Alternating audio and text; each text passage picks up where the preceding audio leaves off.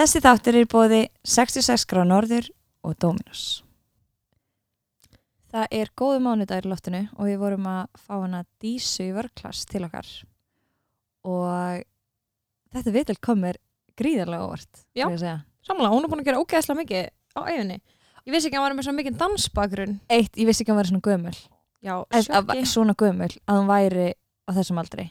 Hún Og ég held að það sé sko. ástæðan okkur við vorum bara eitthvað, wow, wow, wow, að því Mhm. þú veist, hún hefur gert væntalega ótrúlega mikið, hún er búin að lifa eitthvað 58 ár, Mhm. ekki. Jú, 58 ára. Þú veist, það er bara Það er ótrúlegt. ótrúlegt og, og bara hefur einhvern veginn upplefa alla flóruna í líkamsrættabransanum sko. Mhm. þannig hún hefur miklu reynslu og mikið svona hefur snert á mörgu sviðum Já, líka, þú veist, bæði búin að vera í dansinum og þú veist, flutti út og kemur svo hann heim og er að kenna einhverja aerobic tíma og þú veist, pallatíma sem var óslega mikið þá, þú veist, Mhm. bara það hefur breyst óslega mikið gegnum árin og, og ótrúlegt hvernig vörklas hefur líka stækkað Já. sem bara orðið að þessu veldi sem þetta er í dag. Mhm. Það er alveg smá trillt, sko. frá að vera eitthvað pínlítið húsnæði í, í það sem millan er Já. í skeifinu í dag sko. Já.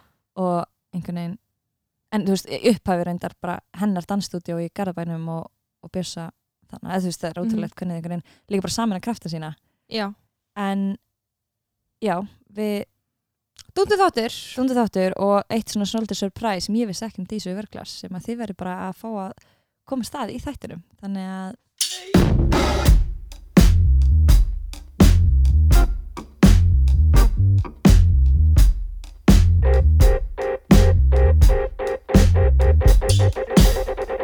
Við erum velkomin í þáttinn þegar ég er stór.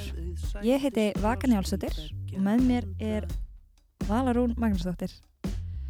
Til okkar er komin engin önnur en Hafdís Jónsdóttir, eigandi vörklass og laugarspa, en miklu betur þekkt sem Dísa vörklass. Vertu innilega velkomin til okkar og takk fyrir að gefa þér tíma til að koma. Bara mín er ánægn, takk Gaman fyrir. að fá þig. Hvernig hefur það þessi dagana? Já, það er bara dásamlegt. Er ekki brjálega að gera allir að koma í haust? Jú, þa- það Formið er, kemur alltaf svona smá aukatörna á haustin. Já. Þá líka eh, byrja svona eins og dansskólinn hjá okkur byrjar sem er ekki við sumarið tíman og, og margir svona sem hafa verið að fara að svæti á sumrin kom inn, þannig það Mhm. er alltaf aukning. Mhm. En þetta er orðið miklu jafnara svona allt árið um kring, Mhm. þannig að fólk er búið að fatta að það þarf maður þarf alltaf að hugsa um heilsinu sína, maður getur ekki sem, það er ekki hægt að taka frí frá sjálfum sér, Nei. það er bara ekki hægt. Það geti einhverjum törnum eitthvað, alltaf ekki vera ókslega duglegur í haust eitthvað. Þetta er svo fyndið, maður horfur á Mhm. hausti sem eitthvað svona nýtt Bara eitthvað nýtt upphaf. upp. Já, bara út á skólanum held ég. Já, þú veist, að þegar maður er að byrja nýri önn og eitthvað. Þetta Bara er svolítið og eitthvað. skólavertíðin. Þetta er eitthvað svona líka spurningin hvað kom að gera í haust? Já, það er alltaf eitthvað, hvað ertu að gera núna? Já. Alltaf, hvað ætlar að gera haust? eins og það sé eitthvað svona, Tímabil, já, nákvæmlega. en það er svolítið skemmtilegt Hvernig er vennulega dagur þér? Uh, hann er í dag bara þannig að ég vakna svona um sjöleitið og, og hérna er komin í vinnuna svona eitthvað stað með 8 og 9 og hérna er bara í vinnunni allan daginn og það er ímislegt sem að svona, já, þá að maður sé búið að plana daginn kannski eitthvað þá oft breytist hann aðeins því að vinnan mín fælst að mikið í svona marlegum samskiptum og, og það eru margir hlutir sem svona poppa bara upp óvænt, Mm. bæði fólk kemur inn og, og hérna og svo bara annað sem kemur upp á og maður þarf að skreppa til þess að aðra stöðvar. Og við sem er skrifstofnan í laugum að þá þarf maður að kíkja líka hérna stöðvarnar og það kemur kannski eitthvað upp á að maður þarf að fara. En það er svona bara hefðbundi dagur og svo er ég að fara heim svona eitthvað starf millir 6 og 7 Ertu að æfa í vörklass? já, Þú gerir það? já, ég velta, já Finnst þér ekki, ekki svona bæði að vera að vinna og æfa saman stað? Getur ekki Nei, minnst ekki að það er ekki, minnst alveg forréttindi það eru forréttindi að þurfa bara að hlaupa niður stigan og skipta um föt og Það er þetta það geggjað. er æðislegt Mhm. Byrjum alltaf á hraðaspurningum Já. Ég ætla að fá völu til að Já, taka taka þær. það núna Hún reyndar feilaði síðast en við Já. gefum henni sjans Eitt sem sem við bátt, Já. svo tekur þú það. Þannig að það er búin að tæma hugan. já, ok, hvernig vaknaði morgun? hálfa átta Hvað ertu gömul? ég er 58 ára Hvað færði þér í morgumat? ég fæ mér yfirleitt svona áherstabúst Uh, uppáhalds vörgla stöð. Þessi er erfið, sko, nýja stöðun okkar á tjarnavöllum er geðveik og svo góðum bara svo langt í burtu þannig að, en ég reyna að fara um helgan, hún er æðisleg. Eitthvað alls matur. Góð nautastek. Hvað farir í bræðarefin? Mm, Ég fæ mér bláber og hérna dæmkúlur. Eitthvað alls staður. Um, heimili mitt bara. Eitthvað alls ástíð.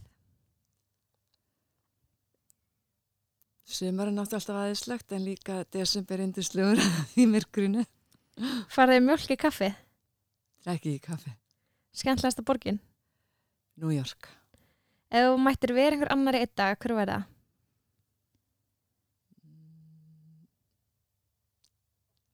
Ópera Vitni. Þú veist það sem bara við. Já, Ég drakk ég- ekki heldur kaffi. Þú veist sko önnur röð núna. Það drakkur ekki kaffi. Það er gekkja. Ég veldi fyrir mig hvernig fólk lifir af. það er bara hana. Líka óbra vinn, akkur er hún? Ég held hún að ég, svona það sem ég sé, hún er svona með örgulega fjölbreytt, fjölbreyttan starfsferil og, og kemur víða við og ég hef svolítið mikið áhuga á mörgu Mm Hún er ekki. og hún hefur látið mjög gott að sér leiða á mörgum sviðum og, og já, þú sé, flott kona. Gekkja. Hefur farið í þátt til hennar? eða Nei, ekki. Ekki eina stelpu, hann er Rúnu, Já. sem með mér FK, hún fór í þátt til, eða var í síma viðtal við hennar reyndar. Ok. Já. Gekkja. Gekkja. Já. En stóra spurningin sem við spyrjum alltaf, eða svona reynum að byrja alltaf við til á, hvað, þegar horfið svona tilbaka, þínu fyrstu ár, hvað vildur þú verða? Mér langaði alltaf að dansa gegnum lífið. Mér langaði alltaf að vera dansur. ég bara, já, ég var í rosa mikið íþróttum, Mhm. frjálsum, ég var lítil og fimmleikum og dansi svo. Og svo ykkur tíman, hvort ég var 14, 13 og 14 ára, þá var ég eitthvað að hugsa hvort ég ætti að vera íþróttukennari eða danskennari Mhm. og ákvað þá ég vildi vera danskennari og ég bara er rosalega glöð með það. Þú hefur bara svolítið svona fyllt þeim draum að Já. ákvæmnu leiti. Já, það er hérna, já, lærið því sem sagt, sem sagt var samkvæmst danskennara prófi hérna heima í latín og standarddansum og hérna var ég alltaf í jazzballett með, ég lærið hjá hún Sigvalda, danskóla Sigvalda sem var bæðið með stepp og jazzballett og mér fannst jazzballettin rosa skemmtilegur og svo fór ég einmitt hérna út í Bandaríkina í Florida School of the Arts Mhm. og Einmitt. hérna lærið þar, þetta var svona college sem að ég var gætt haft dansinn í sem svona sem svona major, aðalfag og hérna og þetta var svolítið svona eins og ef við hafið ykkur tíma síðan að feim þættina sem Já. vorum, já, þetta var svolítið þannig skóli, þetta var bara svona listafólk og þeir sem voru að læra leikarar og, og hérna og tónlistafólk og, og málarar svona listamenn voru í þessum skóla líka og þaðan fór ég svo ég held áfram dansnáminu í New York Mhm. kom heim og stopnaði dansstudio Dísu Mhm. Einmitt. og hérna Þú hefur nefnilega gert ímislegt sem við ætlum svolítið svona að fara í og eftir Mhm. en okkur langar sem að vita hvernig, hvað rólstu upp? Heyri, ég elst upp í Garðabænum Já. mm, fætt 1961 og bara fættist á fæðingarheimilinu og var farin með mig á löngu 24 í Garðabæ og bjóð þar þangað til að Þú í flataskóla það? Já, Og og þessi Já, ég var flatarskóla og svo var það bara gaggo þegar ég var, Já. já. Hérna garðaskóli var ekki komin. Og Hann þú varst bara, ég búin. varst alltaf virka í íþróttum hana. Já, maður var alltaf í íþróttum, fór í viðanslaup og, og UMFK, svona eitthvað ungmennafélagsmót og svona. mm Svo var ég í Björkunum í Hafnæri í fimmleikum og svo alltaf í dansin líka. Varstu svona opinn og, og félagslind manneska eða varstu meira introvert? Hvernig myndir svona lýsa þér? Já, ég, ég er kannski ekkert mjög opin, ég er svona frekar feimin af eðlisfari en ég var rosalega orkumikil.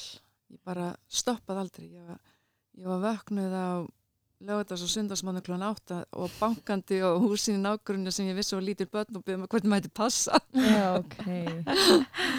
og, hérna, og oft bara satt og beðið eftir að klukkan væri á það margt að ég mætti fara að banka upp og sem var ekki að vekja fólki Alltaf með eitthvað á... Já, ég hef alltaf gera. verið bara rosalega orkumikil en, hérna, og svona frökk já, en samt ótrúlega var svona feimin, þurfti að vinna alveg því að hérna vera svona ófeimnari Já, áhugavert að því þú ert með ferð í dans og eitthvað svona Já. leiklist og varst að syngja líka? Nei, ég er bara svona að, að fyrir sjálfa mig meira, já ég hef gætt sungið í söngleiki með að það var svona hópatri Já.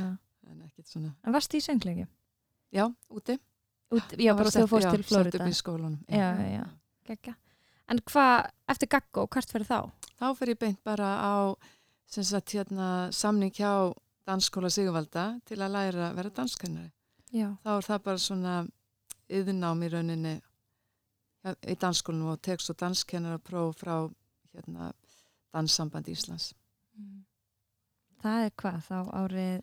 Þetta er árið þessi ekki 79 Vá. sem að ég útskrifast þarna. Það er svolítið áhugaverð ár, líka bara Já. 80s allt í gangi Já, og það var ekki Jane Fonda Jú, jú, svolítið mikið Jane svona, Fonda kemur já, Jane Fonda kemur svolítið 1980. og ert ekki svona þetta er svolítið svona líkamsræktar þú veist, líkamsræktar er að koma inn og, og allt þessi og allt þetta, reyfingar Já. Já. og eitthvað þannig Svo mitt, ég, og eiginlega fyrsta svona skipti sem ég byrjaði með að kenna svona einhverja leikumi þá hérna að því ég stopnaði dansstúdíu í Garðabænum og kendi mitt í Garðalundi, þannig að ég flat, nei, hérna í Garðaskóla. Sem sagt, eh, fekk bara aðstöðu þar inni og var þá bara með þrjá daga þar nei, tvo daga þar í viku.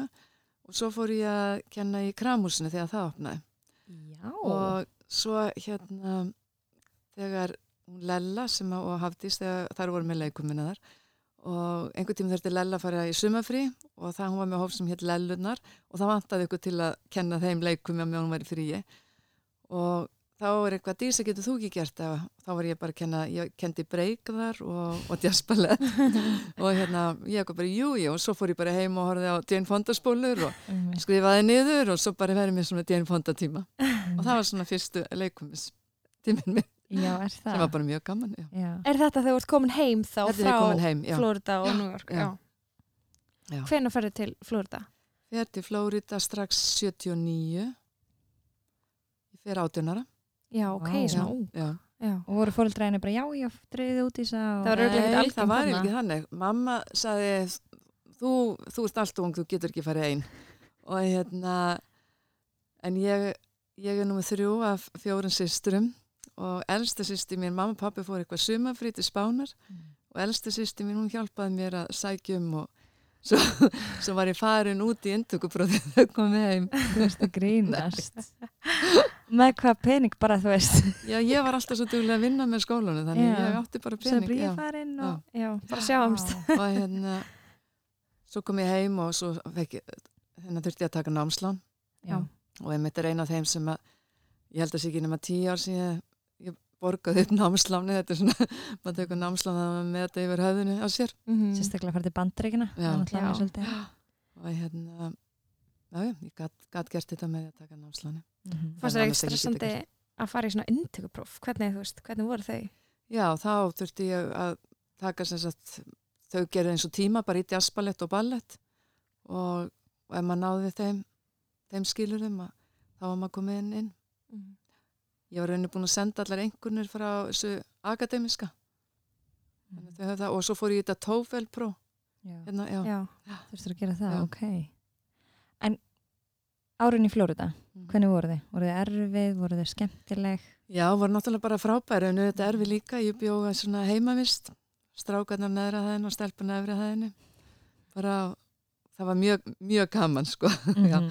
en hérna já, já, en já, þetta skrítið að allt einu að læra allt svona ennsku og, og hérna en þetta gekk alveg, en ég hef oft hugsað til þess að ég, að ég hef oft náttúrulega, tíman hefði breyst svo svakalega. Þarna Algjörlega.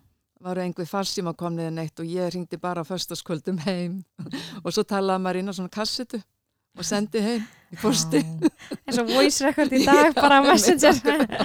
Og, hérna, og svo fekk ég spólu senda tilbaka Það er fyndið. það er það Átt þessu spólur? Já, einhvað þessu spólu Það er já, ógeðslega ef maður vill fyndið. hlusta það. og það er alveg bara Vá, hvað það er. Það er Hvað ertu lengi úti? Er ég er úti þannig þrjú ár Já, ok, já, til þrjú ár, þannig að ég er að koma heim 81 Fyrstu heimþrá, komstu heim á sumrin? Ég kom heim, ekki, e, fyrsta sumari kom ég heim Mhm. og hérna og setni fyrsta sumarið kom ekki heim um þau jól en svo kom ég heim setni jólin svona á, á, árið tvö þá kom ég heim þegar, Já. Mhm. Ég ótt pælt í því sko svona með þegar fólk er að fara til útlanda og í svona nám erlendis hvort að þú veist, þeim þú segist, tímar hafa breyst svo mikið, þú veist, þú kannski sendir eina upptöku einu svona ára eða eitthvað, Mhm. ég veit ekki og kemur einu svona heim en ef þú ert einmitt alltaf í svo miklu tengingu við Ísland, þú veist, í gegnum miðlana og þannig, hvort maður fá meira heimþrá eða hvort maður sé með miklu fjarlægari þú veist, hvort, Já, ég einmitt, hef alveg hugsað á ég hugsa sé erfiðar en núna að fara út vegna Já. þess að þú ert svo, með í símanum alla vina en á það sem er að gera hérna heima Já. Mhm. og þá er langað rosalega mikið Já. en maður raunir vissi ekkit hvað var um að vera einmitt heima þannig að maður var bara í sínu lífi dag frá degi og, Mm. og hérna, hugsa sé erfiðara núna, já voru Íslendingar úti Nei, ekki þarna neinir.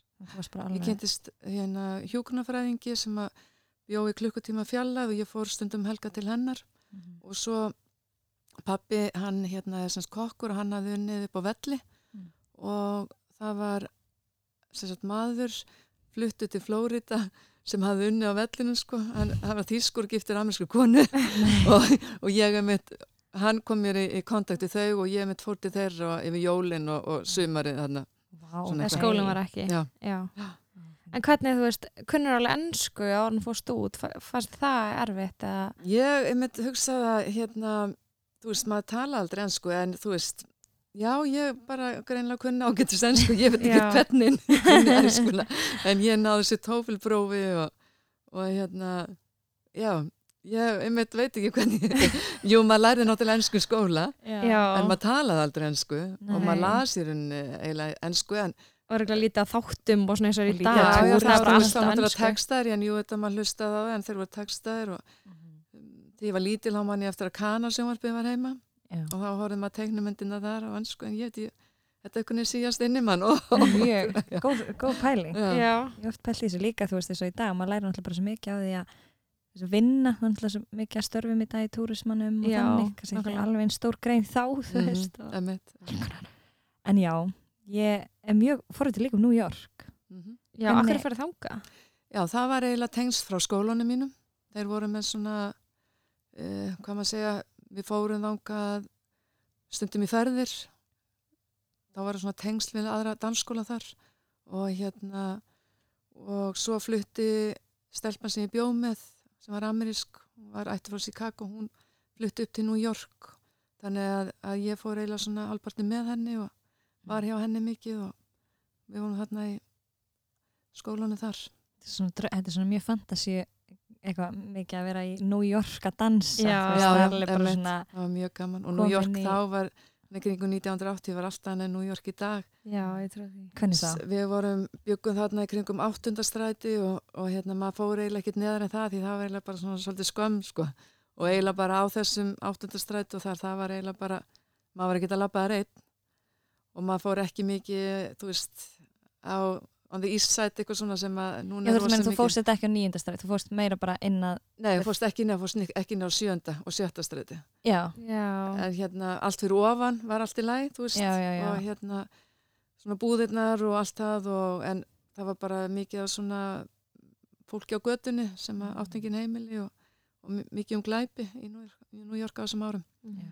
svo var þetta hreinsað rosalega mikið hann að kringum, hvað, 1990 þannig að núna í dag að þá fer út um allt í New York og Mhm. býtar ekkert máli hvar Nei, en hvað ertu lengi í New York? ég er í rauninni bara svona eitt ár þar Já, eftir Og er ertu- ertu að sækja einhverja gráðu eða ertu bara Nei, þar var ég bara, bara? bara í rauninni í dansskólanum Mhm. bara dansa og, og, og bara fá hugmyndi fyrir dansskólinn hérna heima og, og hérna. Ég var alltaf ákveðin í að koma heim. Það var margir spurt mig langaði Mhm. ekki að vera úti eh, nefnast rosalega gaman úti en mér langaði aldrei til að búa þar Nei, mér langaði alltaf til að koma heim Mhm. ég hérna, hef alltaf gaman að því að kenna og, og hérna, langaði að koma að kenna Varstu með, eins og segir, einhver hugmyndum að opna dansskóla já, svona fljótt? alltaf ákveðin bara, já Varst með þann draum Já. bara? Já. og þegar maður læriði danskennarnámi hérna heima þá var maður svo mikið að kenna þá er þetta svona eins og að læra hárgræslu og ferða nema samning og ert að vinna á stofi og maður var bara hjá dansskólum að kenna. Þannig mér er alltaf þóttur rosalega gaman að kenna. Þannig ég var alltaf ákveðin í að koma heim og kenna. Mhm. en eitt var rosalega dæmitir og, og gaman og með því að var. Já, akkurat. Hvar stendur þú kemur heim? Segðu okkur svolítið svona, hvar ertu þú kemur heim, vart með hennar draum? Og hvernig Já, ég er að náttúrulega bara að bý hjá og pappa honum? Garðabænum og, og pappi eiginlega fer með mér að hérna að tala við þá sem sett hjá bænum upp á að geta fengið aðstöð í Garðalundi og, og ég fer í rauninni já, fæ semst aðstöð þar svona, var að mándum miðugutum alltaf þar og fer svo að vinna líka í félagsmyndstan á kvöldin með krökkunum Mm. þannig að tengslinn verða rosa mikið þannig að við erum að ég er sérstæð með krakkan í síningum og, og hérna í Garðalundi sem var rosa gaman, fekk strákan og eins og gerði rosa flotta síningu hérna, hérna gríslætning, Yeah. nei, já Jú, gríslætning þannig að með bílinn fengum ónýtan trapant og máluðum hann og komum hún inn og strákan við dönsuð upp á honum og þetta var alveg meira áttar sko. Er enn að hitta strákan sem tóku þau átt í þessu sjó, alveg bara ég kunni ekki neitt að dansa, kunni ekki að slátt mér dansa.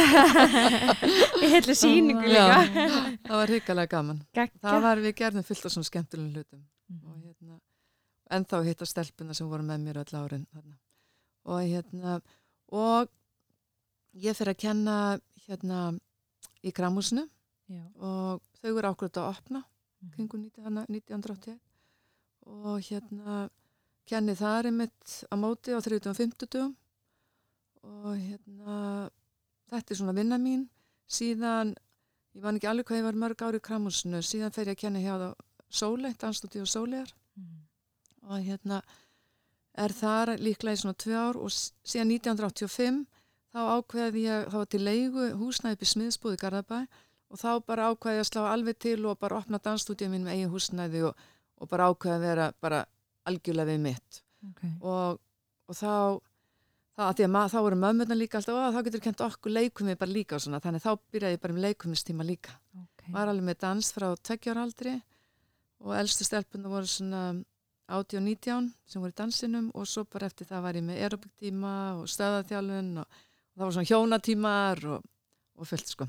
Var líka með tvo ljósabekki þá sem var eitthvað alveg, ég veit ekki ákveður með ljósabekki, það var eitthvað möstar með ljósabekki og hérna og ég mani mitt eftir að ég þurfti að mála og innrétta húsnæðið og, og hérna ég fór mitt í bankan, það var yðnabankin í Garðabæ og var búin að viðskiptum þar bara öll mín ár en náttúrulega svo sem aldrei þéna neitt rosa mikið en ég byrðum 100 áskona lán, viksil til að geta keft málingu og, og smíða vinna og þá var ég með kona bankastjóri og hún sagði að þú ert ekki með neitt kredit eða ekki neitt sem að hérna, enga ábyrð þannig að hérna, þú verður eiginlega bara að fá eitthvað hjá fóruldrunum og ég sagði eitthvað, já þú þarfst þá bara að fá pappa endur að koma með þér og hann verður að taka lánið og lánaði með.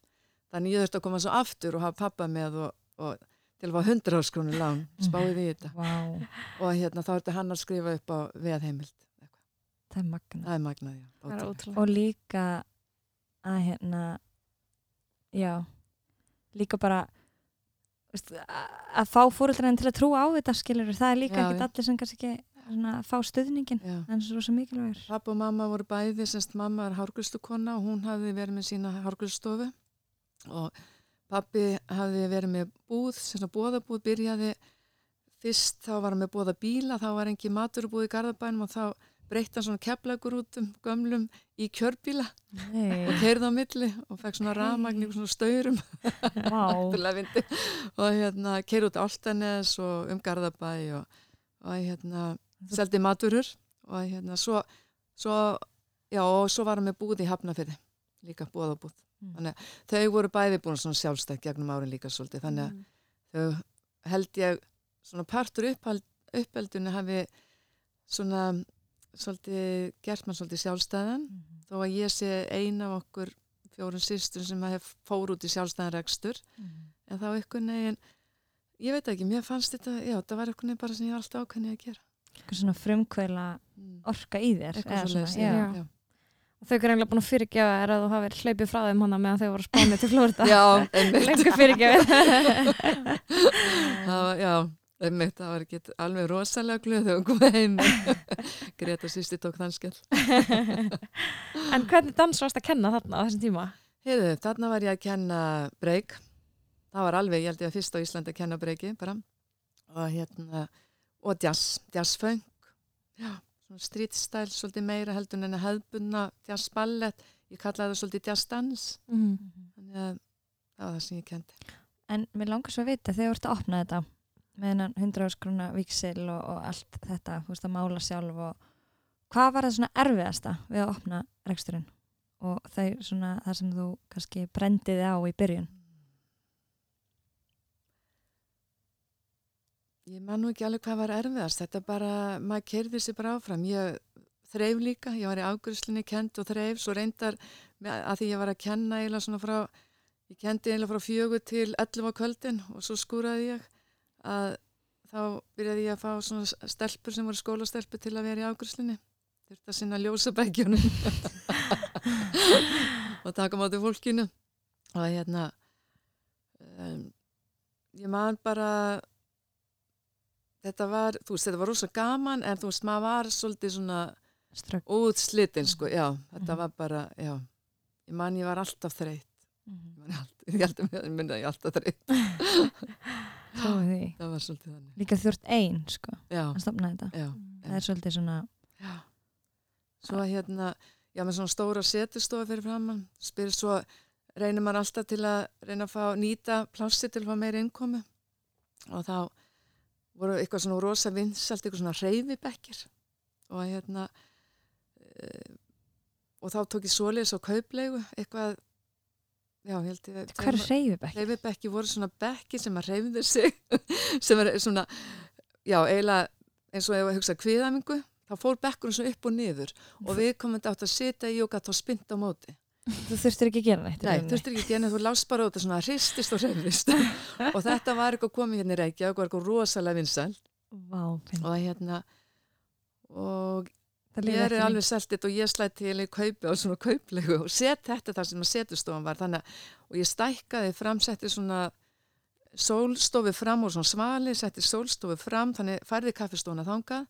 Og svo var ég með heitan pott þarna, já, ég hafði sett heitan pott eftir túlega ég var búin í hálft ár hérna, á svalirnar úti sem var mjög vinsall og hérna og þessi reyðubekki voru rosa vinsall lengi vel. Ég get ekki hvernig það virkar, sko. Líka bara hvað, það hétt eitthvað svona fittformið eitthvað. Og virka þetta ekki eða? Var þetta það var, niðurstaðan? þetta var, já, þetta var rosalega gott fyrir fólk sem að til dæmis átti við ykkur að veikleika styrja gati ekki gert hefðbundna líkanslætt eða leikumi og hérna já, þetta var, þetta var er ótrúlega fyndið. Eiginlega að vera, þú veist, þú geti gert algjörna grínþáttum þetta, er Líka bara, þú veist, þú gúslega næs bara ægi, nenni ekki að reyða mig í dag. Skellum við bara er það einu já. Svo ertu bara hristast já, svo nutta þetta svona lærin og svona eitthvað, já. Og þetta var rosa vinsalt tíðanbili, þannig þetta hjálpaði svona innkominu eitthvað tíma, en þetta þurfti að borga þetta líka. Já. og hérna. Já, hvað er er- já, ég er að reyna að bara mynda allt inn eftir sem Þetta er ógeðslega líka bara eitthvað svona sem maður hefur aldrei séð í dag. Að þetta hlýtur að hafa, þú veist, ég er alveg svona að spá hvernig þetta endaði sko. Þetta feitaði greinilega út, þetta, sko. þetta, þetta voru alveg svona, svona tvær, þrjá tegundir sem að urðu rosa vinsælar sko, Já, þannig að alveg að velja á milli hvaða tegundu ætla að kaupa þessu. Þetta var alveg þannig. Já, þetta er ógíslega að fyndi Já. og ég mani með ég kynist Bjössa 88 og hérna og einmitt þegar hann kom upp í dansstudio hann sá við hann fyrir alveg kasta. Þá var hann náttúrulega með sko vörgla sem var tækisalur og hérna við kynnist nefn, hann var með 300 fermetrar stöð og stúdíu mitt var svona einhverjir 150 fermetrar. Ég var bara með eitt stóran svona sal tvo búninsklefa, sturtur, syngvað ljósabekkin og svo þetta kaffistofuna sem var það og svo var, já, var ég búin að stækka hans þarna út, í, út á salitnar og hérna og við, við erum sem saman í heilt ár áðan ég ákvað að ég myndi ákvað að selja Mhm. mitt en tók samt sem sagt ákvað að selja ekki nafnið vildi halda danstu og dísu nafninu og eða flutti það bara inn í Örglas í, sem að hann var þá búin að flytja í skeifina 19 og annar staði skeifinu sem var orðið 1200 fermetrar Já, svona ok, tveimur vá. með hérna þá var hann, já það var eitt leikuminsalur hjá hann stór tækjasalur já, og svo stækku við setna um annan leikuminsal hjá hann já. Í hvaða húsna er þetta í skefunni? þetta er það sem að hérna Millan er Já, Já. það. þarna við liðan á Paff Já, já, já. svona bakendin þar já Já, Hvernig var svona samkefni samkefni svona, eða bara markaður þarna, varandi líkamsrækt og, og Já, annað? í heilsuræktinni. Já. Þá er eiginlega vörklass og þá held ég að verið til hérna vakstaræktin í kjörgarði, það var eitthvað svona stöð, já, og ræktin út á Seltjarnanesi og stúdíu Jónín Ágústu var þá líka. Og hva, Já. hverjir voru að mæta í þessu stöðar? Heyrðu, það var bara alls konar fólk, það var svona frá frá svona mentaskóla aldrinu svolítið. Og svo var þessi svona gömlu hjálkar sem voru trúlega um 50 eitthvað sem hefði verið að lifta í hérna tækjarsalum, svona bara hefðbunni vakstarækt sko, og voruð með tíma þarna líka. já, þarna var aerobik tímar Já, mitt. Eh, Fyrsta árið þarna er bara sagt, svona hoppað og skoppað. Og bæði þetta high impact og low impact og það var annars við að þá bara mjúkir tíma sem ekki var hoppað í eða þá bara alveg hoppað sundur saman, sundur saman og fram og aftur og hérna síðan förum við á síningu síningi sem förum að trúlega 89-90 og þá koma pallarnir, þá eru pallarnir á síningu út í Ameríku og þá keftum við með 50 palla og settum þá í, inn í salin og það var bara alveg algjör sprengja sko. Já, ha. Já, því þá var bara var svo þægilegt, fekstu svo mikið út í tíman án þess að vera alveg að djöblast og hoppa Mhm. og hérna þannig þá stækkuðu við efri hæðina, fengum meira pláss á millunni, stækkum út og tókum annarsal uppi og þá var rosa vinsalt þessir, þessir hérna pallatímar og svo vorum við með svona kickbox tíma líka sem voru rosa vinsalir. Og voru þið eitthvað að kenna líka? Já, ég var alltaf að kenna Já. og hérna og nei, Bjössi hann hefur bara alltaf verið tækjasalum. Já. Ekki, Hann er ekki að kenna. en hann er alveg dott inn í einn og einn svona tegju tíma og jókatíma. Já. Vá, þetta er, þetta er mjög svona áhugaverið tíman mann er langar smá að fara svona aftur tilbaka Já, og sjá, þetta Nákvæmlega. Já, því í dag er þetta náttúrulega bara orðið svo miklu meira Já, nú er þetta orðið svo fast í skorðum, fólk heldur að þetta hafa alltaf verið svona. Já. Svo hérna, svo flyttjum við upp í Fellsmóla, þá hefði IKEA verið með lager í Fellsmóla 24 og þeir voru búin að tæma hann, voru flytturinn í Hafnafjörðin. Þá fréttum við því húsnaði og vorum akkurat að missa leigursamningin í skeifunni 19 og þá, það var svo magnað, þá vorum við að reka líka hérna yngurskafi og þjólgurskallaran, ég veit ekki hvort að þau munið til því. alls ekki Nei, nei. En hérna, byrjaði þannig 91 að það er maður að æfa hjá okkur sem að átti húsnaði sem að eiginlega hérna 101 hótelir í dag. Já. og hérna og það hafði verið bara svona gamall ég hafði verið að kenna dansan í gamla dag að kallað yngurskaffi bara ógislega ljótur og með svona plast, salu með plastblóm í liðanum og svona ljósum. Og það var dansa gömlu dansanir og við kendum dansana nema svo hafa hann breytt þessu í svona flottan stað Veitingastað þá, veitinga, sem sagt hérna skemmtistað. Já, skemmtist það, já. já, það, já, var búið að vera að vera matsölustæður hann ykkur ár og, og svo var hann búin að breyta þessi rosalega skemmtistað og hann eitthvað gekk ekki svo hann eitthvað segir við okkur hann æ, eru þið ekki til að pröfa að reka þetta? Og við erum bara, nei, við erum ekki að reka neitt skemmtistað eitthvað svona. Og svo eitthvað, jú, ég geti bara hérna, geti bara rekið upp á svona prósentur ég hætti hvort er bara tómt hjá mér og ég geti gera þannig að við bara fórum að stað og hérna, það var bara fullt á fyrsta degi ég hef heyrt þetta já, emmi ég var satan um daginn á góða vinkonu á, sem er 45-46 Já. þannig að hún hefur virkulega verið þannig Já. þessum aldrei emmi. hún var að segja mér bara já hérna var bara að dansa á borðum og bara Já, já. þetta var bara eins og bara B5 í dag eða Já, eitthvað, þú veist, þetta var bara aðal Já. og þetta þú, Já. varst þú með þannig stað þá? Við erum ágæminn Það er magnað, Þá þurftur að borga aðgangseyri til að fara Já. inn. Já. emmitt okay. Og hérna, maður þurftur að loka börun klukkan hálf þrjú og re- kveikja ljósin klukkan þrjú. En þetta er líka geggjaði staður, þú veist, það er Já, ekki skrítið að virka, en Já. þetta er einhvern veginn svona, er komað inn? Já. Nei. Nei, þetta er svona, Já. er eitthvað gott Það var flóðan gengið inn á og- hverfiskutunni Já, Já. og, og svo var líka hægt að gangi inn þar sem að, að gengi inn á hótel í dag. Mhm. og hérna og þar var svona svolítið lánstemming svo byggðum við einmitt svona glerhús þarna á svalirnar já, og þá einmitt gætt fólk að fara að reykja þar að Einmitt. þegar var bannað reykinni þá var það lausnin. Svo stækkuðu við hérna sal hérna að var alltaf pressan hérna blaðúka var þarna við hliðina þar sem eiginlega lobbyið á hótelin er og hérna og einhverja skrifstofur já, allt í flokknum eitthvað og þegar þeir fóru að þá stækkuðu við þar út þannig að stækkuðu við yngolskafi nema svo 94 og þá var auðvist til leigu þjóðlugurskjallarinn og við sóttum um það og við fengum þá rákum þjóðlugurskjallarann og hérna og á tímabili þá náður að, þá vorum við alltaf með hljónsitt í hérna þjóðlugurskjallarnum svo getur það setna meira þá var Siggi Hlu aðal diskotekurinn þar og hérna á tímabili þá þú veist, náðu ræðina svona saman. Það tengdust, eða bara mættust og voru alveg svona Ok, kross. það það og við rákum þessa staði til ársins 2000 Já, svona lengi. þá var maður hérna fyrst á lögata í hérna sérst í nætuklúpunum eða á skemmtistöðunum og svo bara var opna klukkan 7 á mótnana líka sagt Þetta er líka svo mikla andstæð.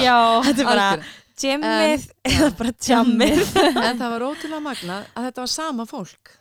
Þetta var sami sko, unga fólki Já. hjá okkur í varklass það var fólki sem kom í, í hérna yngurskafi. Þannig að þetta var rosalega góð tenging þannilega þótt þetta ætti enga aðra samleið en hérna það var svo sama kráð bara En svo 95 að þá flytjum við vörglas upp í, þá vorum við alveg á tímabila því þá var komið hérna máttur hérna sem að var svona hérna líkansrættastöð, heilsrættastöð sem að hérna verkalisfélögin, sjóðirni, það er alltaf svona sjúkrasjóður, ég sem að verkalisfélögin, við borgum í öll Einmitt. og þeir notuðu sjúkrasjóðin til að nýðugræða heilsrætt fyrir fólk sem að fór í mátt, að að voru ykkur læknar þar og eitthvað. Og hérna, það hafði rosalega mikil áhrif á okkur þannig að minkaði rosalega mikið í helsuræktinu okkur í Varglas. Og við vorum með missa legusamningin hérna 95 í skeifunni og við settumst alveg niður og vorum að spá í hvort við ættum bara hætta með Varglas Mhm. og vera bara í hérna skemmtarnabransun að það gekk svo vel þá. En niðurstaðan að þeirri eldursumræðu var svo að hérna hjartað okkar lág í helsuræktinni og hitta meira svona hlýðarspor Já. Þannig að svo fréttum við að felsmónunum til leigu og við gerum svona kaupleigusamning þar, þannig að áttum kauprétt ef hann vildi selja og opnuðu þar og það var bara svona 2000 fermetrar geymur sem var bara geðveikt og við gáttum innréttað á okkar eigin vild. Og þar einmitt gerðum við samninga af alla mentaskólana og, og þá var þetta samlegar áhrifin alveg ingólskaffi, þjólkuskjallarinn og, og mentaskólinn var bara alveg stappað í vörklass og ingólskaffi og þjólkuskjallarinn. Það er geggja. Ég var ná barnum í yngarskapi og svo varum maður að kenna Þetta er ógæslega gott. Þetta er líka einhvern veginn svona, þú vinnur, þú ert að vinna fyrir, fyrir jamminu um helgina. Sko. Já, Þetta ok, er já. smá svona, já, þú átt þetta skilja. Já. Já, er smá vel, svona- vel í tímanum í dag já. Það var rosa gaman á þessum ári en svo man ekki alveg hvaða ár hvort það var 98 eða 99 þegar breyttist það var opnunatíma að gefa frjáls þá einhvern veginn breyttist þetta svo. Þá, þá kom fólk svo seint inn það myndaði sig ekki stemming þú veist og fólk var að hanga þú veist að hanga jafnvel til sko 5 og 6 á modnana og þá var bara þá einhvern veginn svona datt datt svona skemmtileg heitin Mm. Hvernig, end, hvernig endaði þessi og endaði með því að, að við leigðum sem sagt bara um, leigðum hvort að hvort að leigursamningurinn á yngurskafi hafi verið útrunnin eða við hafum sagt honum upp og aðri tóku við það fór eitthvað annað held ykkur áfram eftir það eitthvað og, og samið þjólukursi við, þetta voru bara leigursamningar þannig að við bara sögðum okkar hluta upp og hættum. En nú er ég með, þú ert þannig búin að vera í, í rauninni svolítið mikið af rekstri, eða svona svolítið mikið í þessum bransa. Hefur einhverja reynslu af rekstri? Eða þú veist, kunnuru á bókaldið, kunnuru á ég meina bara, ein- Þetta hvernig hef ég aldrei séð um bókaldi. Nei. Hérna, nei, við höfum alltaf verið með látið bókar að sjá um bókaldi. Já, Við höfum verið. Bjössi, hann, hérna, hann sá um uppgjörinn og það og hérna, og svona auglýsingar og svo leiðis og, og hérna, eins og yngurskafi þá vann ég bara barnum í raunni og, og svo rættu við bara hlutina og í varklasta þá voru við bæði í ágruslinu, Bjössi var alltaf í ágruslina líka Mhm. og, og ég kendi. Ég held að það sé líka bara óslega góð reynsla því þá ertu að fá bara feedback frá kunnunum beint í veist, það vissir ekki allir að þú ættir þetta Akkúrat. þarna en það færði bara beint, þú veist. já. Við Þetta þarf að verið bæta rosa og góðan tengslum við viðskiptinna Já. og bæði en, enn þann dag í dag, þú veist, enn þann dag í dag er ég að kenna og Bjössi er alltaf að æfa og, Mm og hérna, okkur finnst það einmitt vera gott. Já. En það er, þú veist, maður á ekki að kunna allt eða geta allt, en maður á kannski bara vera það sem að hjartamanns virkilega, maður veit maður er góður í Mm. og svo á maður að fá fólk sem er gott í hinu eins og maður fá góðan bókara og svo fann maður sér góðan algjörlega þannig að, þú ert með hugmyndina og, og, og allt þetta í kollinum og aðrir kannski hjálpa manni að framkama það. það er Mhm. svona oft þannig sem að Akkurat. hlutinni ganga Mm. En hvenær byrja að stækka vörklass? Hvenær verður þetta, þú Já. veist, það sem við þekkjum stærra? Já. Já. Þú veist, mest ótrúlega bara 2000 það er bara ein stöð. Nei, það er orðna fleiri 2000. Já, það. já, 95 er ein stöð, felsmúla. Svo er 98 að þá kemur allt eins og hugmynd að við fáum einhver bíltúr á Akureyri. Og hérna hefum, fórum eitthvað að leita eftir húsnæði þar. Og eftir, fórum bara fram og tilbaka, svona dagsferð. Og eftir það þá fréttum við að húsnæði sem að hérna, kvennadeildin hjá hérna hjá hérna dattur mér, já, hjálparsveitinni á Akureyri, var að byggja alveg niður við sjón og strandgötunni á Akureyri. Og þær fengu ekki meira fjármagn til að klára það og vildu selja húsnaði, það var, ekki, það var bara fókald, þannig að við kaupum það.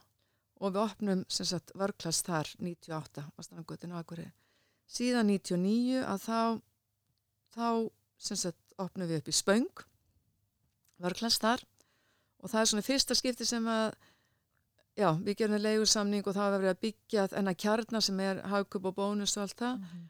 og, hérna, og það var gert ráð fyrir að veri svona seilsröttastu og það er opnað 99 svo 2000 þá tökum við á leigu efstu hæðina Östustrætti 17 þar sem að 10.11 er neðstæðin Já. og við tökum efstu tvær hæðina þar og opnum vörklass þar Bring that back, sko. Hey. Fólk er að tala um að það vanti í miðbæn. sko. það er að tala um líkansræktastöðu miðbæn í tíu Já. Hva, hvað er það? Það er bara, við í rauninni lokum henni 2004 vegna þess að það einhvern veginn voru öll fyrirtæki bara farin úr bænum og erfitt að fá hérna, bílastæði og hérna, það voru stór fyrirtæki eins og Símin var þarna nýri, með fyrirtæki sitt þarna og mikið tölvu fyrirtæki og voru stór fyrirtæki en það bara einhvern veginn datt botnin úr þessu það Mm.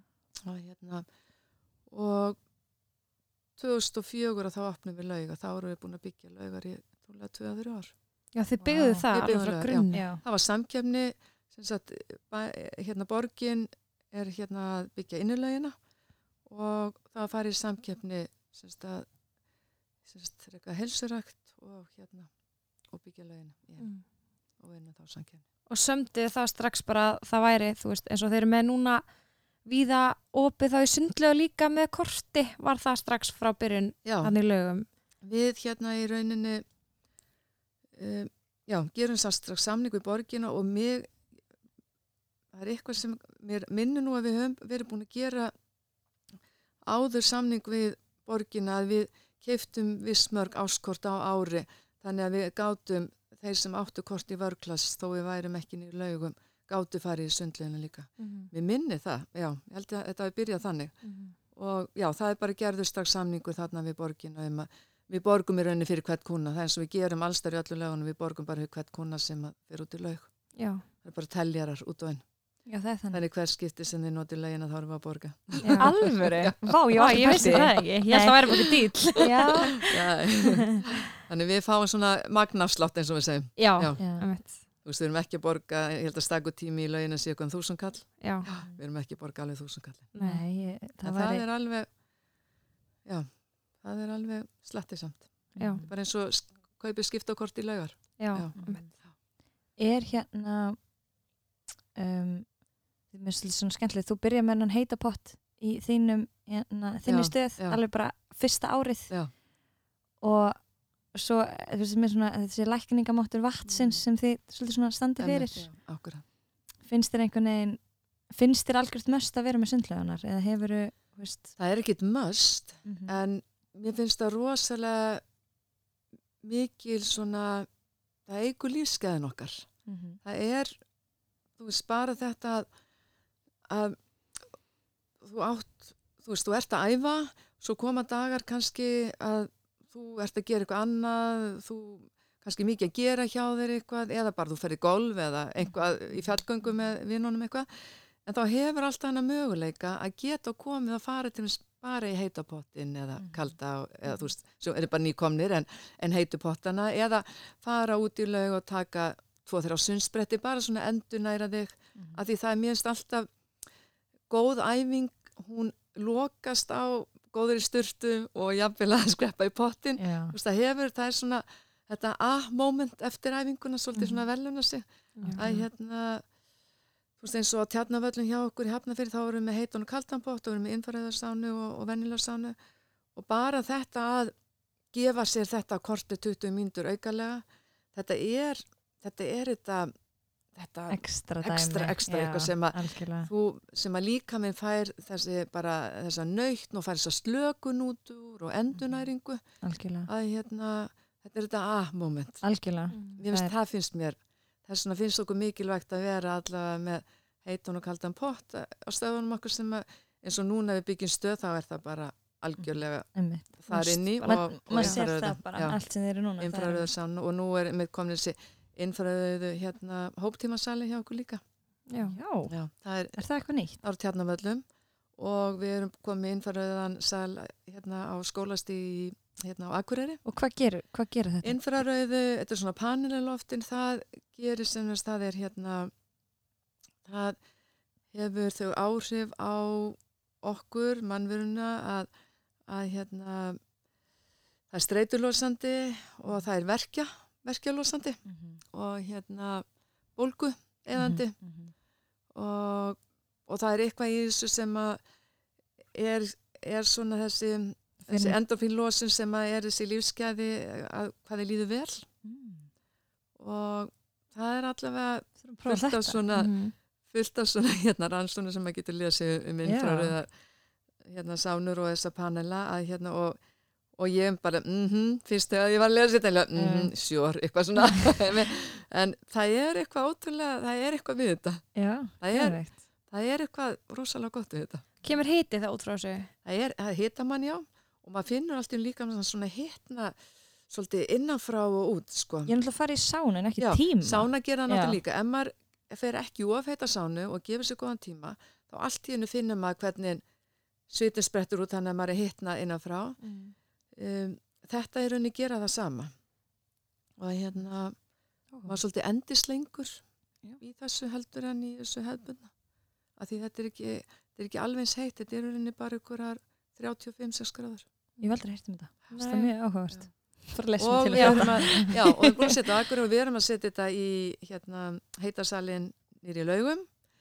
Og við erum að að setja innfæraðið sánu nýri í lauga líka í báðstofuna og við erum að fara að setja þetta í heitasalinn býð breiðholti líka. Já, geggja. En þarna þegar þið byggið e, laugar, e, ert það stopna laugar spa þarna á svipum tíma Já. eða, já, Lauga spærun er bara stopnaðan 2004. Já. Það er í fyrsta skipti sem að við erum með snirt og nuttstofu og þarna nú akkurat, ég er ekki snirtifræðingur, ég er ekki nuttfræðingur en ég fer mikið snirtingu og mikið nutt og til mig hafa mikið vitaði hvað ég vil fá. Mhm. Þannig að mér finnst ég alveg hafa vitað í að reka svona stað því að ég er viðskiptavinnu á svona stað og ég Já. veit alveg hvað ég vil fótur En þú fer með það einhvern veginn, það það inn í þetta. og er með alveg ríkalega gott fólk þar, flott fagfólk alveg.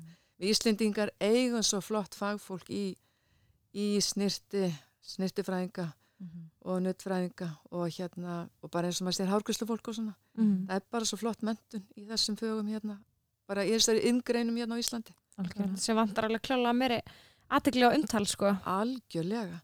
Ég meina, þú sér Íslendingar sem búa erlendist, þeir yfirleitt fyrsta sem þeir gera, þeir panta sér litun og klippingu og, og Mhm. snirtingu og nettu kom til Íslands. Algjörlega. Er var ekki sem lita hári á sér bara hérna eða eitthvað er það líka sko að því að þú ert með, já með svo mikið fjölbreytir líka bæði í tísku og öllu að það er einhvern veginn, þau þurfa að sérhæfa sig í öllu þú veist, það er ekki bara eitthvað lita hári dögt eða þetta, þetta, þú veist, það er bara allt í bóði hérna og það geta allir gert allt Já. einhvern veginn Það er málið. Það er eins og bara smiðir hérna heima. Þú veist, Mhm. þeir eru að setja gluggan í, hörðarnar í og þeir setja loftin og smíða húsin utan hérna. mm -hmm. Ellendis að þið verum svo fá, þannig að þeir gera allt og eins og þú segir með hárgustufólk, ellendis þá sér hafa sumið sér litun, aðri í klippingu og aðri til að þú far smiðið eitthvað þá setja þeir bara gluggan í eða bara hörðarnar í eða Mhm. bara gúlfina Já, en hérna, þú veist, við erum svo fá þannig við, við hérna, gerum svo margt og gerum það svo vel. Mhm. Við erum bara þannig Íslandingar, gerum hlutina vel. Mhm. algjörlega Besti heimi Já, það er bara, það er svolítið þannig. En hvenar hérna stopnaru snirti vörulínuna? Hvenar Já. kemur hún? Svo kemur hún, svo var náttúrulega alltaf þessi drauma því maður er í heilsuræktin að maður vil fara, að vera svolítið bæði umhverfisvætn og lífrætn og allt það og, og fann bara mjög erfitt að finna línu sem að hægt er að vinna með og gera, sem sagt, vinna á snirtistofum og, og hérna gera samt hluti sem maður vil að það geri og hérna oft sem þess að lífrænum vöru voru en mér fannst ekki fallegar umbúði til dæmis og hérna ekki góð lykt af og hérna ég gæti ekki séð að okkur geti ekki verið góð lykt og svona með góðan lykt um að lífrænum þannig að ég var svo heppin að 2010 þá kemst ég kynni vennu Önnumari Ragnarstóttir sem er snirtufræðingur sem að rak sína eigin búð og var með sína snirturlínu og hún hannaði hana mikið út af því hún er mikið svona ofnæmiskona eins og hún segir og rosa viðkvæma húð og hún var með algjörlega lyktalösa línur en svo gastu keift dropa og sett úti þannig að við fórum að stað og hérna og þá var ég alveg með ég vildi hafa svona lemongrass hérna ilminn sem að mér finnst þeirra svona spælmurinn okkar. Og svo annars vegar var svona kannski þessi spordrygg í mér að hérna ég vildi hafa svona eitthvað svona möska og smá sexy og það er sweet amber og patchouli sem ég finnst mjög gott. Þannig að úrvar að það var svona tveir ilmir í línunni og hérna línan kom út 2013 við vorum alveg þrjú ára eða hann Er hún framleitt hér heima? Nei, er hún er ekki framleitt hérna heima. Og framleitt gegnum þýst fyrirtæki og við dauða, svo, sem er svo með búkar við dauðahafið Mm. og hérna uh, og það er bara lífrætt búkarður sem er ræktar inniheldin í þessu og, og það kemur allt það Mhm. og, og hérna sem sagt umbúðunar eru umhverfisvænar þær eru með því hendingum mertan á þannig þannig það eru svona endurvinnanlegar og úr endurinn Finnst þér ekki svolítið bransinn hafa breyst mikið eftir að fóst í þetta? Eða ertu mikið í þessu sjálf? Eða ertu með, ég, þetta er svolítið svona kannski sem þú ert alltaf að vera að vinna að og það eru mikið að, þró, að vera að þróast og umbúðir og allt einhvern veginn að breyta svo mikið. já ég bara ykkurni hef svo gaman að skoða hluti og Já. alltaf að spá í og þróa og vera betri og hvað erum við að gera næst og hvert hörum við og hvað getum við gert betur ég Algjörlega. veist bara, þú veist, ég er bara að því ég hef áhuga á þessu þá er maður bara, þú veist að skorala á netinu og alltaf sjá hvað er nýtt og hvað er að gerast og, og er þetta eitthvað sem við getum gert og Mhm. getum við farið þessa línu og getum við farið út þessa vegferð, alveg svo bara með laugakaffi að það er komið tvö ár síðan við, þó þetta lít út eins og plast þá er þetta allt úr þessum hérna þrúisikri eða hvað þetta er, eða, nei ekki Já. þrúisikri heldur allt úr þessu efni sem maður má setja Já. hérna bara í vennulegt rusl Mhm. og er hérna endurunnið. Mhm. En hvað hérna, þú er vörklast orðið hjúts og út um allt. Hvar sér þið vörklast eftir nokkur ár? Hvað svona, hvað langar ykkur að gera? Er eitthvað sem þið eftir að gera sem ykkur langar að gera? Nei, okkur langar bara að halda áfram að gera góða hluti. Um, alltaf að horfa á, við erum að horfa á, veist, að betur bæta stöðvarna sem við erum með, halda þeim góðum, við erum alltaf endur nýja tæki og búna, það er alltaf verið að, að halda þeim góðum. Það, þó fólk sjáu það ekki, veist, það er alltaf verið að gera en það bara lítur svo út, það myndi ekki líta svona vel út ef það er ekki verið að, að halda þeim við og, og gera betur og, og nú eru til þess að endur nýja eila flestöldum stöðum okkar ný kardiotæki eins og hlaupabretti og, og hjólu og annað slíkt. Og hérna um, þú snýri í laugum, við erum að koma með innfæraðu sánu þar núna og við erum að setja þess að heitusal í laugum og breiðholti og vorum að gera skólastík akkurýri innfæraðu panela Við, við erum alltaf að horfa nýja staðsynningar, já. Uh, Miðbarinn. það er ótrúlega hluti sem gerast og kannski ekkert sem að ég get sagt núna en það er ótrúlega hvað hérna óskimans rætast fljótt og hérna og já, það er, það er ekkit að því að við viljum vera starru og meira og fleiri stöða, það er bara við viljum gera betur, við viljum hvort af nokkar hafa meira val. Við viljum vera, gefa þér val að þú hafir góða stöð rétt heima hjá þér og þar sem þú vinnur eða ert í skóla. Mm -hmm. Þannig að við höfum, heyrum til dæmis að þeir sem vinna í kringum vassmýrana, þeir fara, þeir eru búin að vinna millir fjóru og fimm, staðin fyrir að vera klukkutíma hérna bíla, bílatrafík rauð þá keira þær í stöðunakur út á Seldaðinnes að því það er engin trafík út á þann mm. tíma mm. og fara æfingu þá og keira svo heim upp í grafu eða eitthvað mm. þú veist þannig að við viljum gera lífið, líf viðskiptunum okkar auðveldara að þú sért ekki að eigða miklu bensín í að keira á milli stöðva eða fara í næstu stöð hvað sem það er í hátíðinni, hátíðismat eða, mm. eða hvað sem er þannig að við viljum vera eins og 2007 þá opniðum við þrjá stöðar og þá sem við hérna vörklass skrefi nær þér mm. og það er svona móttu alltaf að vera skrefi mm. nær þér mm. en svo ég heiti eina alltaf sem að hérna bjó á völl, völlunum í Hafnafyrði og, og ég segi, já ég ert í hérna æfið stöðun okkar í hérna í, hérna á, á Dalsnöfi og það er nei ég vil færi tíma og svo við opnum í Smáralindi það segi ég, herði ég verður komið svo nálægt ég vil komið í Smáralindinu núna já þá, já þá er svona, nei ég er á völlunum þeir er svo langt frá mér svo hérna opnum við núna völlunum og þá segja hérna heyrðu nú eru komin til á völlina. Nú getur við komið. Nei ég er flytt núna í Kópu en ég er í smáralind. Já ykkur smáralind. Hún alveg ég hef búin að gefast upp ég kemst ekki undan. Akkurát. En þetta er, þetta er sannlega fyrirtæki sem lifir í hjörtu margra íslendinga myndum að segja. Mm -hmm. og einhvern veginn hefur bara já, það er sem segir, þú hlust, þið hlustu á viðskiptavinnin ekkar og svona látið drauma rætast sko, þú segir. Reynum eins vel og við getum. Mm -hmm. alltaf gerum eins vel og við getum. Mm -hmm. En hvernig fannst þér uh, svona að taka móti, þú veist eins og þetta að fá þessa neikvæði gaggrinni og, og þannig, hvernig svona dílar við það?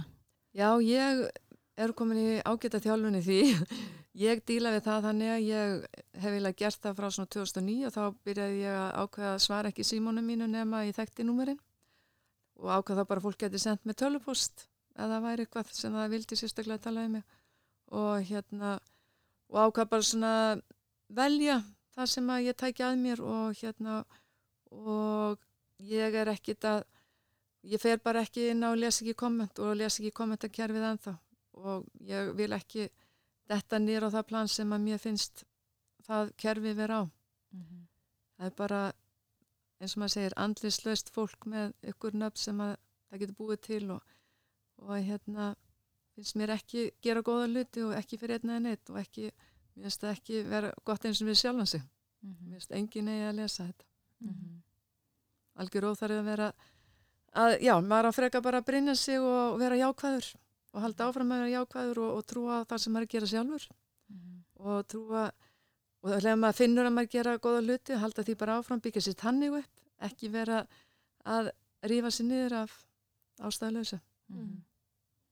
Henni svo það er bara góð ráð algjörlega og líka bara segir, svona, veist, þegar maður einhvern veginn eh, er tilbúin að vera opinn og, og gefa þetta persónulega dæmi af sér og, og þannig að þú veist það er einhvern veginn, fólki finnst auðveldra og, og eins og segja, bara sem ég segja allir vilja að fella kongin þetta er svolítið svona þannig kannski á sem hefur verið svolítið á ykkur þú veist að þið hafi verið stærst og, og fólk er tilbúið að taka slæðin við ykkur kannski þegar, já, já. þegar það er þannig. Það er allavega auðvelt að segja allt naflist og gera já, allt naflist Algjörlega. En ég ætla að segja hérna mér langar að spyrja át í húðvörulínuna. Mm. ég, að því að mér fannst svo flott þegar þið komið hana fram að þið segið þú veist strax þetta er unisex, þetta er hérna hvernig hafa, ha- hafið þið fengið mikið, eru margir kallmenn að kaupa úr línunni? Já, mér finnst það svo skemmtilegt. Ég, ég, að því ég hugsaði líka út frá sjálfum mér, maður er alltaf að flýta sér, ég vildi hafa hann einfalda og líka það að hérna, maður er með lítið plás heima hjá sér og svona og hérna, strákar eru náttúrulega með húðin svo við og þurfa að hugsa um hana og ungi strákar í dag og bara fleiri og fleiri eldri eru bara uppgöta og finna þau um leið og byrja að bera á sig og það er svo einfalt einmitt og svo gott að bera svona olja á sig þegar geta byrjað þeir skeggið á sér, setja hans í hárið allt andlitið. Og það sem serumi var tekið rosalega vel við að strákun líka, þeim finnst það geðvikt og hérna, jafn sem að, að stelpunum, en hérna komir óvart hvað eru líka duglegir að fíla dagkrymið, Já. alveg rosalega vel. Og hérna, og bodyolíuna líka, Mhm. Það er bara rosa skemmtilegt. Mér er bara alltaf svolítið fyndið, fyndið svolítið fyndið, sko. Eru þið með, þið eru ekki með þetta skipt í kyn, veist, kalla krem, nei. Þetta Þú veist, Það er með svo fyndið eitthvað svona markastæmi þegar þú er Mhm. komið með dagkrem fyrir konur konur. og fyrir kalla, sjampó fyrir konur og fyrir kalla, maður er bara, já, við erum með sömu húð og sama há, þú veist, auðvitað er einhver kannski oljumyndun, meira oljumyndun eða þannig, en En það er líka bara er líka einstaklinga, skilur bara er eins og mitt- milli okkar eða eitthvað. mér er alltaf fyndist það, hann mér fannst það svolítið svona, já, já, mista æðislegt, geta hafa bara sömu vörunar í hillinu Já, og allir geta Já. bara, og hérna, já, og þú veist, svo þannig að fara eitthvað, þú veist, ferðarlega sumabústa, þá er þetta bara eitt sett. Mhm. Já, alveg rosalega vel tekið og ég veit ekki kannski er það að því að við erum með heilsættastöð og strákarnir eru að taka sturtu og þú veist, þeir eru að blása sér hárið og, og hérna kannski eru þessi strákar þeir eru meira að hugsa um sig eitthvað, ég veit það ekki en Það er líka bara beautybransin er að vera stærri við getum, Mhm. þurfum ekki að fela það eitthvað og það er bara, já, báðum kynum Einmitt. og Mhm. það er bara, minnst bara frábært hvað er að opnast á fullt strákum hendi sér manikjur og alls konar sem er bara, þú veist, já. bara geggja og geggju að þetta strákar er í, í vaks og, og húðhreinsun og, og andlis hérna bað og alls konar. algjörlega Mm. og bara, þú veist, valið á bara að vera algjörlega hjá okkur báðum. Við eigum að geta verið ómálar og mikið málar og þeir eiga að geta verið málar og ómálar þetta er bara, Mhm. Það er bara geggju, Það er þróun, og sko. mér slíka það svolítið uh, sko við eigum öll að geta verið bara eins og við viljum. Og það skiptir ekki máli sko hvort að einn daginn sem að rosa veldilhafur og, og mála að mann er leið þannig að maður vildi það. Mm. svo hinn daginn er maður bara ekki málaður og bara lítur ykkur öðru svo og hérna og þú veist það er einmitt og eins og umræðan er eins og núna að hérna er allir að segja það eiga allir að mega vera eins og vilja og Mhm. mér finnst það algjörlega. En svo getur fólk tekið sér til og þú veist verið að tala svo mikið um hvernig fólk er. Mér svo, mm, þú veist þetta er svo já, þetta, Passar ekki alveg. Nei, þetta passar ekki alveg. Já. og þetta er, eiginlega- þetta er oft sama fólki sem er að tala um Mm, að allir eiga að vera eins og hérna mega vera. Mhm, en svo bara snúa sér við og vera að tala um hvernig þess, þetta fólk er eitthvað. Mhm, einmitt, mjög sérstæð já, mér finnst bara við hefum bara að vera umbyrðalind gagvart náangunum og, og bara eiginlega meira að hugsa um okkur sjálf hvernig okkur líður, hvað viljum við gera?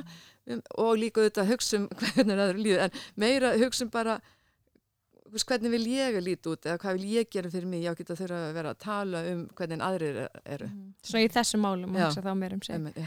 Akkurat. En loka spurningin. Já, hvað vilt þú verða þegar þú verður stór?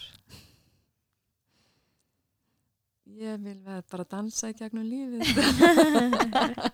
Ertu ennþá að kenna ég dans? er ennþá, já, ekki, ekki kenna dans en dansi minn hefur breyst í ég er að kenna leikumina Já, og Og ég fæ jóga. bara rosa mikið dans út í því já. og dansa mikið sjálf bæði heima og þegar ég fer eitthvað en hérna já, ég bara ég ákvað það að því ég var lítið vildi, vildi dansa gennum lífið og ég held að mér hafi raunin tekið stemmi svo gaman að dansa Algjörlega hefur kent fleirum að dansa í kringu þig Það er alveg óhætt að segja það Kekja. Eitthvað sem þú vilt segja lókum? Nei, bara, þeir eru frábært ég veist þetta frábært Já, Takk. Við getum Og- alveg verið lengur. Já, ég geti Við haldið sér nefnilega marka Já. Takk fyrir að hlusta og Bara takk fyrir að koma. takk fyrir að koma Ísa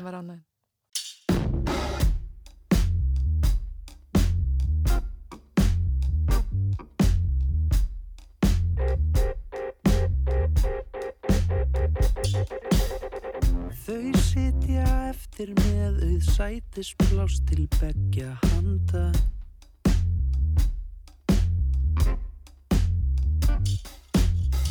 Dreipandi sitt á hvað á drikkjunum sem eftir standa.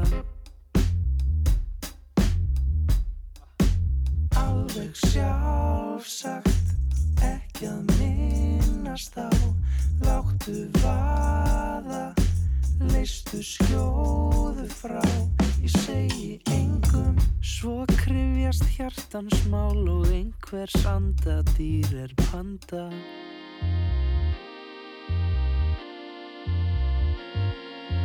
Trún og trún á, kinn við kinn, þú og ég og einhver vinnu þinn. Trún og treyna, trún og við halda, nóttin naumast orðin við aldra. Trún og trún á, kinn við kinn, þú og ég og einhver vinnu þinn. Trún og treyna, trún og við halda, nóttin naumast orðin við aldra.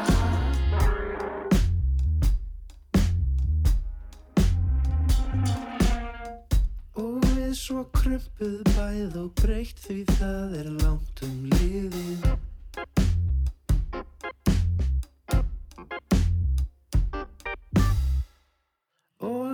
Hundruð hunda ára hafa okkar daga drifið. Alveg sjálfsagt, ekki að minnast á, láttu vaða, leistu skjóðu frá, ég segi engum. Trún og trún á, kinn við kinn, þú og ég og einhver einu þinn. Trún og reyna, trún og við halda, nóttin naumast orðin við aldra. Trún og trún á, kinn við kinn, þú og ég og einhver einu þinn. Trún og reyna, trún og við halda, nóttin naumast orðin við aldra. Hann ber af sér blag frá makanum takast á hvort skuli saka um. Þau takast á hvort skuli saka um. Þakið sem rakar í rakanum. En við makaði áður fram og tilbaka ha Vert ekki hengjandi smið fyrir bakara Rakara,